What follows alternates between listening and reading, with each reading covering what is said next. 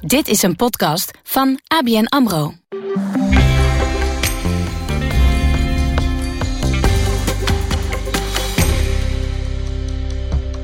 Welkom bij Een Wereld te Winnen, de podcast waarin experts, ervaringsdeskundigen en branchevertegenwoordigers met elkaar in debat gaan over onze maatschappij en de toekomst. Dit doen ze aan de hand van prikkelende stellingen. Deze aflevering gaat over het thema wonen.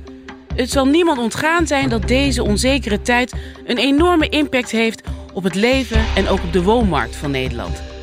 Wat kunnen huizenbezitters mogelijk doen om hun lasten te verlagen? Hoe zorg je dat je huis ook na de crisis betaalbaar blijft? En in deze tijd waarin we meer thuiswerken en daardoor meer behoefte hebben aan ruimte, kan je dan beter verhuizen of verbouwen? Om tot nieuwe inzichten te komen, gaan mijn gasten onder leiding van ondergetekende Nicole de Borg met elkaar in debat. Emeritus hoogleraar woningmarkt, adviseur-onderzoeker bij Finance Ideas, Johan Konijn. Johan, ehm, veel mensen zijn ineens onzeker over hun inkomen.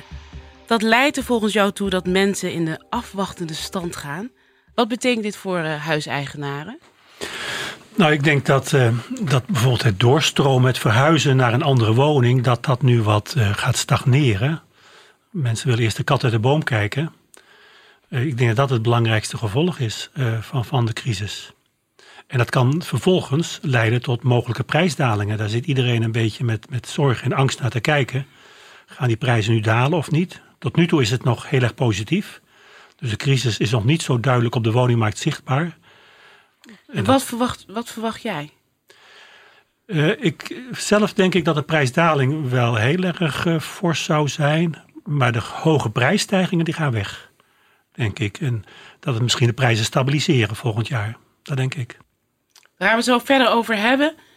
Econoom, columnist Financieel Dagblad en auteur van het boek Crisis wat te doen. Erika Verdegaal. Erika, ja. reactie? Ja, ik vind het vrij optimistisch. Want als eenmaal uh, uh, het idee gaat ontstaan van... oh, de huizenprijzen gaan dalen. Dat gaat trouwens per definitie heel langzaam. Het is, de huizenmarkt is geen aandelenmarkt. Dus elke huiseigenaar bepaalt in wezen zijn eigen prijs. En dat gaat altijd langzaam, want huiseigenaren vinden het heel vervelend... om die prijzen te laten zakken. In 2000, vanaf 2008 duurde tot 2013 voor die prijzen op een dieptepunt waren. Eind jaren 80 of eind jaren 70 duurde het zes jaar zelfs voor de prijzen op een dieptepunt waren. Maar als eenmaal mensen gaan voelen, het zit tegen, prijzen gaan zakken, dan gaan ze nog meer zakken. Gewoon, dat een soort self-fulfilling prophecy. Dus ik denk dat je echt als huiseigenaar uh, of als potentiële huizenkoper nu rekening moet houden met het feit dat de prijzen over een jaar of vijf flink lager kunnen zijn. En dan moet je maar afwegen. Als je bulkt van het geld, mag je van mij doen wat je wil. Maar als je een starter bent die extreem veel moet lenen samen met z'n tweetjes, dan zou ik zeggen: starters, wacht nou nog even. Laat je niet opjagen, anders ben je kanonnenvoer die de huizenmarkt aan de gang moet houden. Hans-André de Laporte van Vereniging Eigen Huis. Ik zag iets in jouw blik. Vertel, ja. vertel. Nou, je kan wel zeggen van je, je wacht nog eventjes, uh, want uh, het kan zijn dat het over twee jaar dat de prijzen uh, lager zijn. Ja, dat kan. Maar het hoeft helemaal niet. Het is helemaal niet je moet het helemaal niet gaan voorspellen. Dat is niet het houvast waar de huiseigenaar en kopers, starters, naar, naar zoeken. Je zoekt een plek om te wonen. En het geld wat je daarvoor over hebt, en dat, heeft, dat is het huis en dat is die verbouwing en die inrichting. Het geld wat je daarvoor over hebt, ja, dat, dat bepaalt iedereen voor zichzelf. En daar moet je verstandig mee omgaan. Ja, de, de huiseigenaren, jullie helpen 790.000 leden. Hm. Uh, wat doet deze tijd met de gemiddelde huizenbezitter? Nou, nu nog niet zo heel erg veel, maar ik denk dat dat wel gaat veranderen. En nu nog niet zo heel erg veel is dat omdat heel veel mensen nog niet in problemen zijn gekomen zoals we dat wel kennen van tien jaar geleden. Want toen sloeg de paniek wel toe. toe. Dat kwam ook inderdaad omdat mensen onder water stonden. Als eerste bij banken die hele hoge hypotheken hadden verstrekt, vooral een stapeling van allerlei leningen. Um, die mensen kwamen als eerste in problemen toen ze hun werk en hun inkomen kwijtraakten. Nu is dat eh, minder, ook door de steunmaatregelen van de overheid die direct zijn gekomen. En doordat banken meteen kwamen met een uh, betaalpauze. Dat je uh, drie maanden en misschien langer nog je hypotheeklast even niet hoeft te betalen. Dat is uitstel hoor, dat is geen afstel. Dus je, je moet het wel betalen, alleen niet op dat moment. Ehm, dus dat haalde eventjes de druk van de schouders af. Nou, welkom. Heel fijn eh, dat jullie er zijn. ABN AMRO is ook aanwezig. Kitty de Heide, manager hypotheken bij de bank. We gaan in deze aflevering twee stellingen voorleggen aan ons, aan ons panel.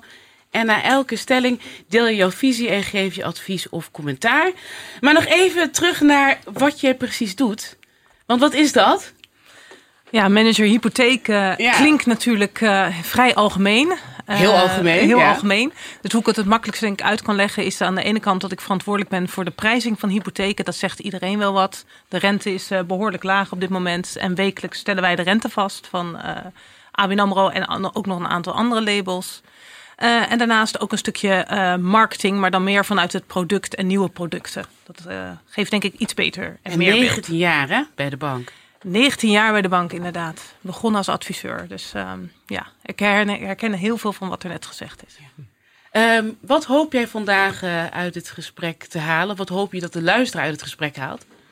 Nou, een beetje gevoel krijgt um, hoe het ervoor staat. Maar ook misschien wel tips en ideeën en van wat moet nou doen. Uh, huren kopen hadden we het net al eventjes over. Uh, is een hypotheek nou inderdaad zo spannend op dit moment? Wat, wat, ja, wat staat ze te wachten? Dat. Stelling 1. We gaan beginnen. De eerste stelling. En zoals al eerder gezegd, deze tijd heeft een grote impact op het leven van veel mensen, ook die van huizenbezitters. Daarom luidt onze stelling: een hypotheek in crisistijd is een blok aan je been. Hans, is dat zo of niet? Nee, denk het niet. En dat hoeft het ook niet te zijn. Um, ik sluit niet uit dat het wel het geval is voor mensen of, het, of, of zo wordt. Maar nee, kijk, um, wonen kost altijd geld. Het is of huur of het is hypotheek.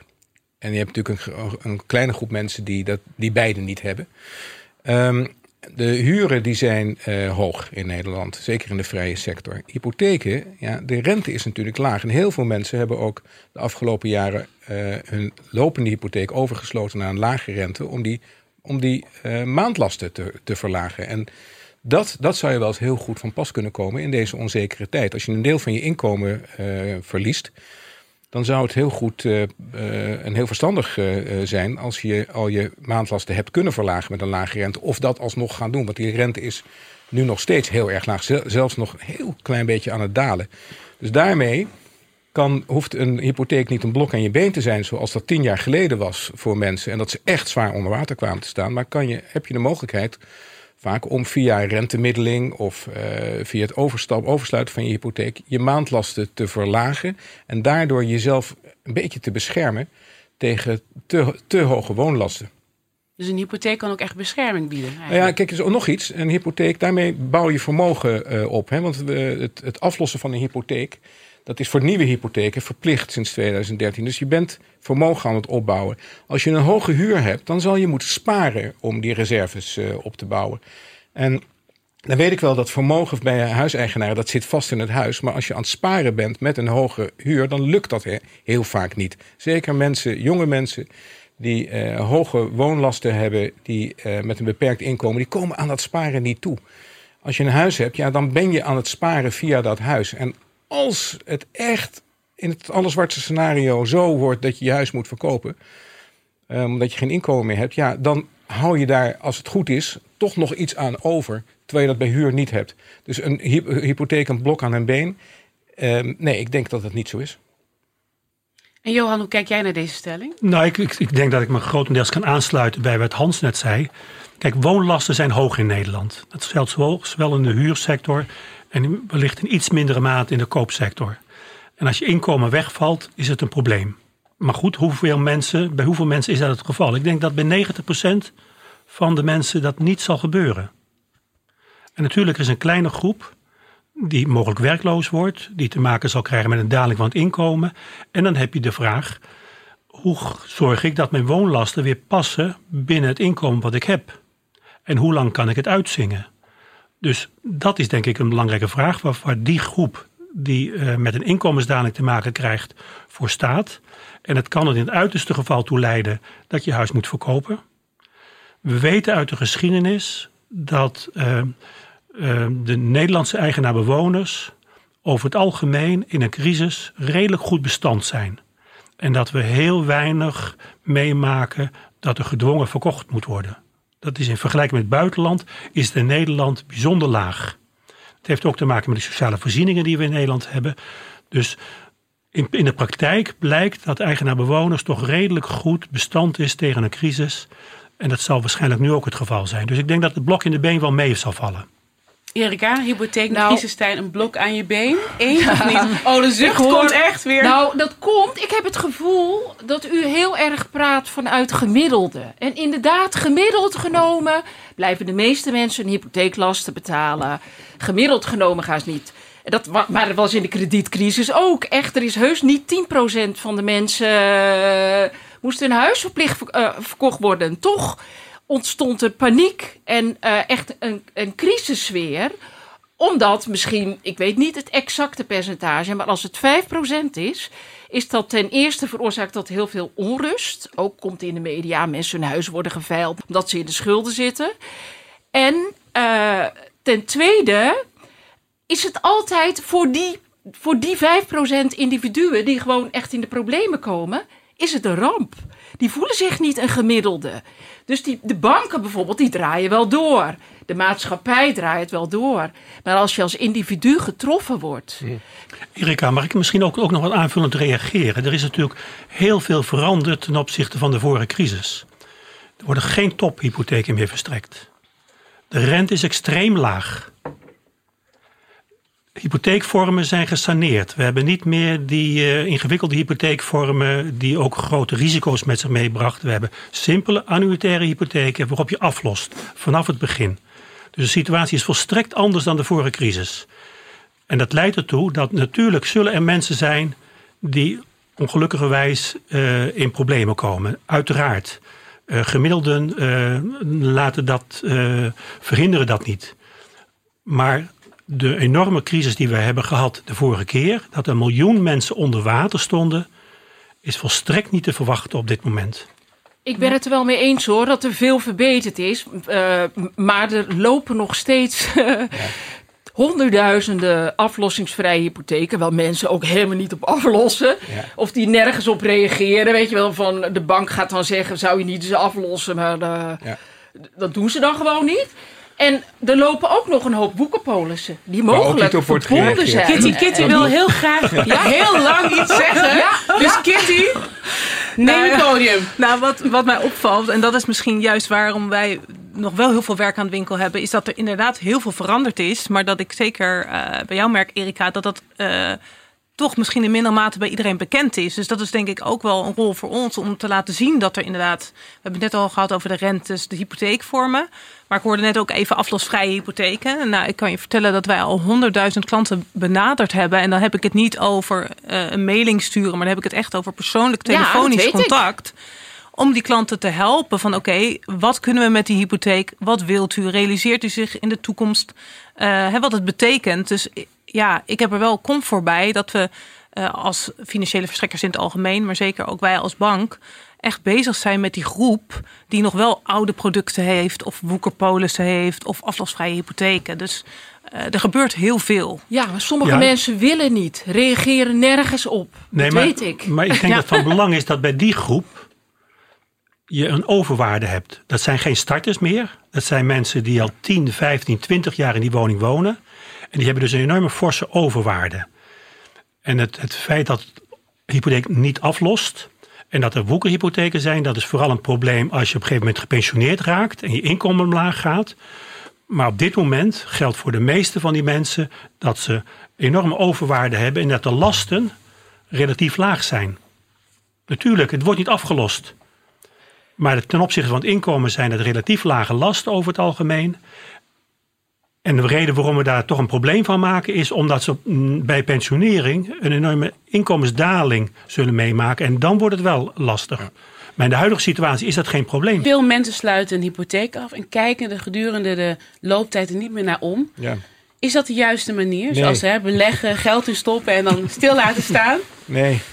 Heel veel mensen zeggen, nou, ik heb hem afgesloten, die hypotheek.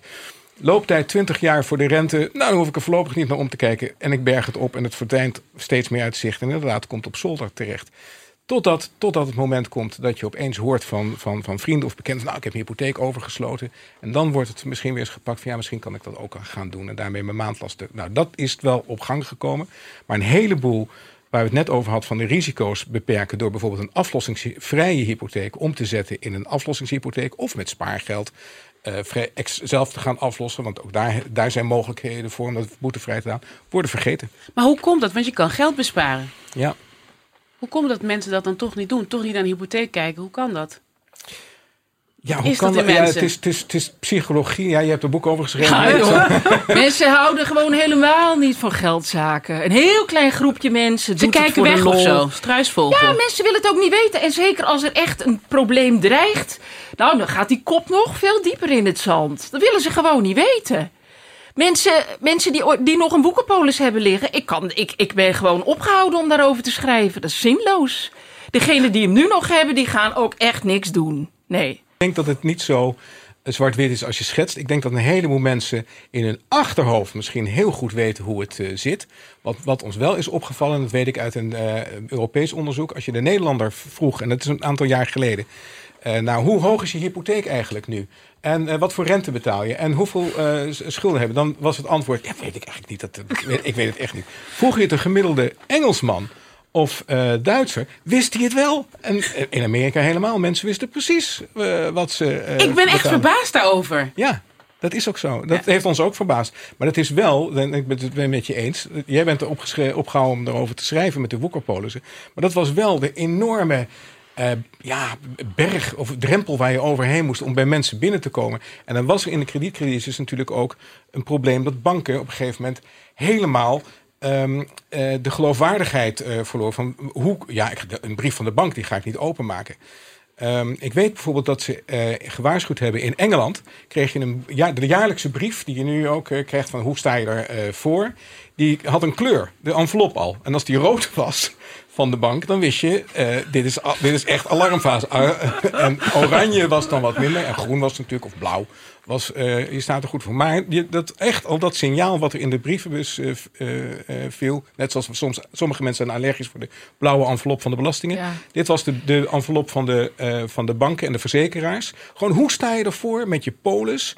Als dat je einddoel is om dat te halen, dan is die envelop misschien rood. Ja, dan weet je in ieder geval, er is iets aan de hand. Ketty, nou, wat, zie je in de wat zie je in de praktijk? nou, ik herken heel wat niet erg... Kijk, niet, niet kijken naar de hypotheek? Klopt, ik herken heel erg wat Erika ook zegt, dat, uh, dat ze er gewoon niet naar willen kijken. En ik ben daardoor wel blij dat hè, we hebben toen met uh, de NVB die campagne aflossingsblij hè, was dat gedaan. En uh, ja, heel veel mensen vonden er wat van. Maar wat ik het mooi vond, dan kom je op een gegeven moment wel bij mensen binnen. Alleen het is zo moeilijk om die mensen te bereiken. En zeker met het vertrouwen wat weggevallen is. Dan als je dan belt, dan kan het ook sceptisch zijn. Hè? Dat ik denk van ja, we willen ze nu echt helpen. Hè? Of het nou een woekerpolis is of aflosvrij of wat dan ook. Uh, maar ik zie het wel langzaam keren. Maar het kost heel veel tijd. Wat doen jullie voor huizenbezitters als het gaat om, uh, om lastenverlichting?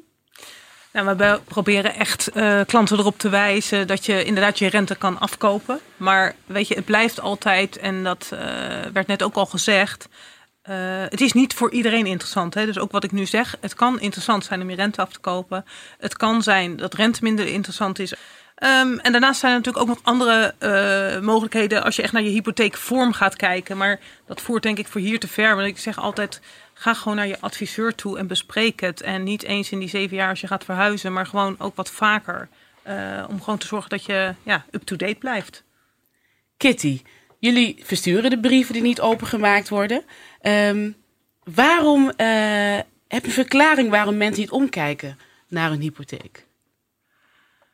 Nou ja, uh, ik denk dat ik me dan helemaal bij Erika aansluit. Mensen vinden het niet interessant, ze vinden het ingewikkeld. Ze wonen in dat huis en ze leven gewoon prima. Dus ze, gevoelsmatig ze kunnen het ook gewoon betalen. Dus ze zien zelf de reden niet waarom ze er naar zouden moeten kijken. Dus het is denk ik ook aan ons om te zorgen om te laten weten dat er zaken veranderen. En dat het interessant is om er wel naar te kijken. Snap je dat mensen zeggen, jullie waren ook de verstrekkers van de aflossingsvrije hypotheken? Dat waren boevenacties. Hoezo is nu bij jullie het roer om? Ja, je stelde echt twee vragen in één. Hè? De eerste was uh, van, um, herken je uh, het, het van vroeger? Nou, in die tijd was ik nog adviseur. En ik kan je vertellen dat het was ook die tijdsgeest. Dus ik wil dat niet goed praten. Maar ik weet wel dat uh, wij hadden bepaalde normen. En dat is een bepaald percentage aflossingsvrij. een klant wilde niet minder. En ik heb zelfs klanten gehad die bij mij weggingen omdat ze bij een andere verstrekker meer aflossingsvrij konden krijgen. Echt waar? Het is echt ook een beetje in de tijdsgeest. En als adviseur, het was het, het normaal op dat moment. En ik vind het, eh, ik praat het niet goed, maar ik vind het belangrijk wat we nu doen als bank om te zorgen dat we al die klanten helpen van wat is nu de beste oplossing. En dat hoeft niet altijd te zijn om die aflosvrije hypotheek eh, helemaal af te lossen. Hè? Nogmaals, dat is per klant verschillend. Stelling 2. Ja, we hebben stelling 1 gehad. We gaan nu naar stelling 2. We zien dat het vele thuiswerken bij veel mensen de behoefte heeft versterkt om meer ruimte te creëren. En daarom luidt onze tweede stelling: wie een paar vierkante meters erbij wil, kan momenteel beter verbouwen dan verhuizen. Johan. Ja, je, je ziet dat mensen nu veel meer bezig zijn met hun huis, mede door de corona. Ik bericht in de krant eh, maart, april dat uh, doe het zelfzaken werden uh, uh, overlopen en heel veel mensen begonnen te, te klussen in huis. Maar met dat soort klussen heb je geen extra vierkante meters. Je hebt hooguit een andere indeling, je zet er een wandje neer. Maar als je echt daadwerkelijk je woning wilt vergroten door iets aan te bouwen, of bijvoorbeeld iets in de tuin te bouwen, ik denk dat je dat niet zelf doet. Dan heb je een aannemer nodig. En uh, dat zal ook gebeuren. Maar niet zozeer door de crisis, denk ik. Ik denk dat het een, een behoefte is die al was of die gaat komen. En die een relatief onafhankelijk van de crisis uh, altijd al geweest is. En uh, wel wat sterker is geworden doordat de koopprijzen enorm zijn gestegen. Uh, woningen zijn heel erg duur geworden, waardoor het ook aantrekkelijker wordt om dan je eigen woning wat te vergroten. Maar dan nogmaals, dan heb je wel een aannemer nodig. En dat, dat is niet iets wat je zelf kunt doen. Erika, eens met de stelling? Nou, kijk, een paar vierkante meter zou ik denken. Misschien kun je ook eens opruimen. We hebben zoveel spullen. En is ja, dat het advies zo, opruimen? Nou, kijk, zowel, het is wel zo. Bulken van de spullen. Mensen gaan zelfs ruimte huren om hun overige spullen in op te bergen. Ja, we, worden, we zijn overstroomd door. We zijn misschien nog niet zo erg als de Amerikanen. Maar hier is dat ook heel erg. Dus een paar vierkante meter, die kun je natuurlijk wel. Uh, in de mogelijke crisistijd die er nu aankomt, zou ik denken: ga eerst eens opruimen. En dan is het verbouwen of verhuizen. Dat is natuurlijk allebei behoorlijk duur. Maar allebei. Uh, ja, mensen laten zich toch altijd wel weer verleiden doordat het fiscaal aftrekbaar is. Maar die hele verbouwingshuis, ik zie ook een soort mode. Als het uh, na 2008, toen de prijzen dus uh, vijf jaar lang gingen dalen van de huizenprijzen in, in Nederland, zag je dus overal ook die, die verbouwingsbakken, die zag je bijna niet meer. Die, die metalen bakken die dan voor de deur komen als iemand net verhuisd is. En toen het weer beter ging, begonnen ze weer allemaal te verschijnen. Maar ik verwacht wel dat die metalen bakken van die verbouwingen. waarbij de keuken eruit gegooid wordt en de badkamer eruit gegooid wordt. Dat, dat we dat ook, als de huizenprijzen gaan dalen, gaan we dat ook weer minder zien. Worden mensen weer bang en dan doen we het niet. Dus ja. ja op basis opruimen. waarvan maken mensen de keuze of ze gaan verbouwen of dat ze gaan verhuizen? Hans? Oh, nou, dat heeft met te maken met um, een heleboel factoren. En één is, is vooral de buurt waar je woont. Soms, eh, heel veel mensen zijn er enorm aan gehecht. Die zeggen, ja, ik moet niet aan denken om bijvoorbeeld van de Randstad naar, uh, naar Drenthe te gaan... waar de huizenprijzen een stuk uh, lager liggen. Ik wil hier blijven. Je moet natuurlijk wel kunnen verbouwen. En laten we eerlijk zijn, als je in een appartement woont, zoals heel veel mensen, dan is dat uitgesloten. Want je kan gewoon niet meer vierkante meters maken. Dus je moet of de tuin hebben waarin je nog een stuk kunt uitbouwen, of een dak hebben waar je iets op kunt zetten. Of zoals je in Amsterdam, in andere steden ziet, je gaat de grond in. En je gaat de kelder uitgraven en je maakt daar een, uh, een woonruimte. Nou is het wel zo dat zijn over het algemeen dure verbouwingen. Die betaal je uh, of met spaargeld, met eigen geld geheel of vaak voor een deel. En je financiert een deel met, een, uh, met, met de hypotheek.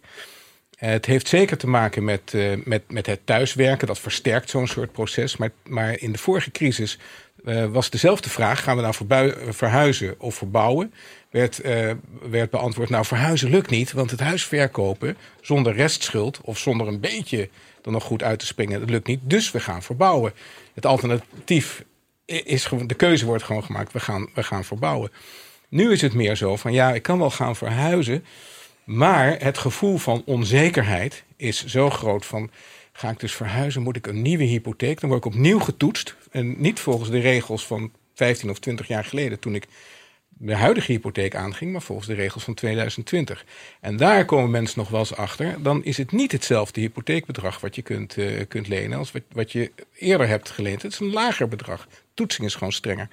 Dus zeg nou, dan gaan we verbouwen. En dan uh, zie je inderdaad uh, dat je nu enorme wachttijden hebt voor, voor aannemers. Die zitten namelijk tot ver volgend jaar al helemaal volgeboekt. En kom je met een kleine verbouwing voor een keuken of een badkamer dan zeggen ze: Sorry, we hebben eerst nog wat grotere klussen. Voor hen namelijk veel interessanter. Dus daar, ik kom er in de loop van volgend jaar wel op terug. Heb je een grote verbouwing. En dan heb je het echt over een verbouwing waarbij je vierkante meters toe gaat voegen. Dan is onze stelregel altijd: dat moet je vooral doen voor jezelf. Omdat je er zelf de komende jaren gaat wonen. Omdat je er zelf plezier van hebt. Bijvoorbeeld omdat je thuis gaat werken. Of omdat je een kamer voor de kinderen wil hebben. Of wat dan ook. Maar vooral doe het voor jezelf. En de, de vraag is dan namelijk altijd van, ja, voegt dat wel waarde toe? Kan ik dan mijn huis beter verkopen? Ja, wellicht over tien jaar als je je huis gaat verkopen. Maar ga niet verbouwen voor, om, om te goed te kunnen verhuizen. Net zoals je een nieuwe badkamer en een keuken ook alleen maar gaat vervangen als je gaat verhuizen. Als die badkamer bijvoorbeeld lekt, zet er dan een simpele badkamer in die goed is. En dat is een kleine verbouwing. Maar ga niet een dure badkamer zetten, zetten of ga niet groot verbouwen omdat je wil gaan verhuizen. Johan, zou deze tijd een omgekeerde trek kunnen stimuleren? Ja, ik, het zou kunnen. Het zou kunnen. Kijk, de trek naar de stad is de afgelopen jaren natuurlijk heel sterk geweest. Uh, en uh, de ombuiging daarvan uh, zal wel enigszins plaatsvinden, maar ik denk toch dat de belangstelling voor de stad wel groot blijft. Natuurlijk is er ook, zijn er ook veel huishoudens die de stad verlaten, gezinnen. die zie je de stad verlaten, maar er komt ook altijd heel veel de stad in. Dus per saldo is er nog steeds een grote druk op de stad. Uh, en die, die, die, die zal wel minder worden. Ik bedoel, het kan aantrekkelijker worden om buiten de stad te gaan wonen. Ook omdat je misschien in de toekomst minder op je werk zult verschijnen. En niet meer alle, elke dag. Maar misschien een paar dagen per week. En dan wordt die afweging om buiten de stad te gaan wonen. Die neiging wordt groter. Maar ik denk dat de stad toch wel altijd uh, populair zal blijven. Want daar heb je heel veel voorzieningen. Daar heb je heel veel uitgaansleven. Daar heb je heel veel sociale contacten. Dus de stad blijft wel een magneetwerking behouden, denk ik. Ja, maar ondanks dat we sinds maart heel veel thuiswerken, nog steeds? Ja, maar corona is niet... Corona over een jaar, is mijn verwachting, is corona voorbij. Ja. Het geld wat je uh, uitgeeft aan wonen is het geld wat je stopt in je leven. In het in, in alles wat daarbij hoort. Het is je, ben je zelf en daarna met z'n tweeën en dan vaak ook met een gezin. Dat is, dat is waar je uiteindelijk op, op terugkijkt. Daar speelt je leven uh, zich af. En dat is het maken van keuzes. Waar wil je dat dat is? En dat is het, het, huis zelf, dat is de sociale omgeving. Dat zijn allerlei prioriteiten die je hebt van scholen. Van, nou, dat, dat bepaal je zelf. Um, en dat is, uh, dat is heel erg belangrijk voor mensen. Dus dat, dan heb je het eigenlijk over de ratio en de emotie. Kitty, terug naar de stelling. Verhuizen of verbouwen? Ja, dat is per persoon verschillend. Daar kun je niet antwoord op geven. Hè? Uh, je moet het een of je moet het ander. Je ziet het allebei gebeuren. Als je nu kijkt, de, de huizenmarkt is sowieso uh, nog steeds groot en groter dan vorig jaar. Maar je ziet ook echt dat de verbouwingen toegenomen zijn. Dus je ziet gewoon dat beide gebeurt. En ik denk wel, en dat was volgens mij ook een van jouw uh, stellingen in een van je columns, dat mensen blijven onrustig en in beweging. Dus of, uh, nu zitten ze veel thuis en dan gaan ze of naar hun eigen huis van binnen veel meer kijken. Um, of ze gaan toch meer op funda zitten. Ik weet het niet. Maar in ieder geval, uh, mensen blijven onrustig. Ja. Dus ze gaan wat doen. Maar ik ben doorstromer, ik luister. Waar moet ik als eerste naar kijken? Om de keuze te maken of ik moet verhuizen of verbouwen. Of je nog comfortabel op je plek bent. Dus uh, dat is echt voor, weet je, ik kan, de een wil in een bepaalde buurt wonen, de ander heeft de ruimte nodig. Dus, dus als dat allemaal nog goede factoren zijn, dan denk ik dat je eerder gaat verbouwen. Maar als je niet meer op je plek zit in je buurt, of je wil meer ruimte en je wil niet meer in die stad zitten, je wil lekker naar het platteland, dan ga je verhuizen. Ja. Johan, heb jij nog een advies voor de doorstromers met een hypotheek? We praten over heel veel verschillende mensen in heel veel verschillende omstandigheden. En ik denk dat we heel, dat heel goed over tafel is gekomen. Met name Kitty heeft dat denk ik heel nadrukkelijk gezegd. Uh, wat verstandig is, dat verschilt dus heel sterk per, per, per, per, per huishouden, per individu. Uh, de ene die doet er goed aan om te verhuizen, de ander doet er goed aan om te verbouwen. Een derde kan, kan, kan beter afwachten. We weten geen van allen hoe het precies gaat lopen met, met, met de crisis. Dus dat blijft een beetje koffiedik kijken. Uh, hoe, hoe, ernstig het wordt uh, en welke gevolgen daarvan zullen uh, ontstaan. Dus ik denk dat we heel, heel, dat met z'n allen heel sterk de diversiteit hebben benadrukt waar we mee te maken hebben. Ja, Hans, wat moeten uh, huizenbezitters doen? Jij vertegenwoordigt ze natuurlijk. Ja, nou en ik ben het mee eens. Het gemiddelde zegt helemaal niks en daar herkent zich ook niemand in. Want niemand heeft namelijk het gemiddelde huis, het gemiddelde huishouden en de gemiddelde financiële, dus hypotheek eigenlijk. Dat heeft niemand. Dus je moet altijd kijken naar je eigen situatie. En uh, dan is het, uh, het, het, advies aan veel mensen die zich zorgen maken over werk en inkomen in de, in de toekomst. Uh, bereid je voor. Dus pak inderdaad die papieren er weer eens bij waar je jarenlang niet naar hebt gekeken. Maak die brief open van de bank. Ga in gesprek als je, daar, ehm, als je dat niet eerder hebt gedaan. En heel veel mensen vinden dat moeilijk. Die zeggen van nou, in, uh, een brief van de bank is meestal slecht nieuws, dus die maak ik liever niet open. En een gesprek met de bank. Nou, dan uh, weten zij, oh, daar is wat aan de hand. Er zal er wel een rood vlaggetje achter mijn uh, naam komen te staan. Dat is niet zo. Maar dat, was, dat, dat gevoel hebben heel veel mensen wel. Van als ik opbel van ik maak me zorgen. Nou, dan gaat de bank zich helemaal zorgen maken. En dan beperk ik daarmee mogelijk. Dus dat duikgedrag van laat ik maar wachten tot de storm overwaait. Dat kan heel erg onverstandig zijn. Um, maar ja, als laatste wat uh, mensen volgens mij wel hebben gedaan, de gemiddelde Nederlander, is het huis enorm op gaan ruimen. Uh, in deze tijd. Want de rijen uh, die er voor de vuilstort stonden, waren natuurlijk zo gigantisch dat die allemaal eerder dicht gingen of nummertjes uit gingen delen. Maar huis opruimen, dat hebben de mensen wel gedaan. En ik denk dat dat, dat het thuiswerken ook wel ten goede is gekomen. Erik, heb jij nog advies voor de huizenbezitters met een hypotheek? Als je een doorstromer bent, dan is niet zoveel aan de hand. Als je van een, een, een, een huis van vijf ton naar een huis van vijf ton gaat, dan maakt allemaal niet zoveel uit. Dan krijg je een goede prijs en je betaalt weer een goede prijs. Dus dat is minder riskant in mijn ogen. Hans-André de Laporte, Erika Verdegaal, Johan Konijn, Kitty de Heide, dank voor dit gesprek. Dit was aflevering 2 van de podcast Een Wereld te Winnen. Dank voor het luisteren.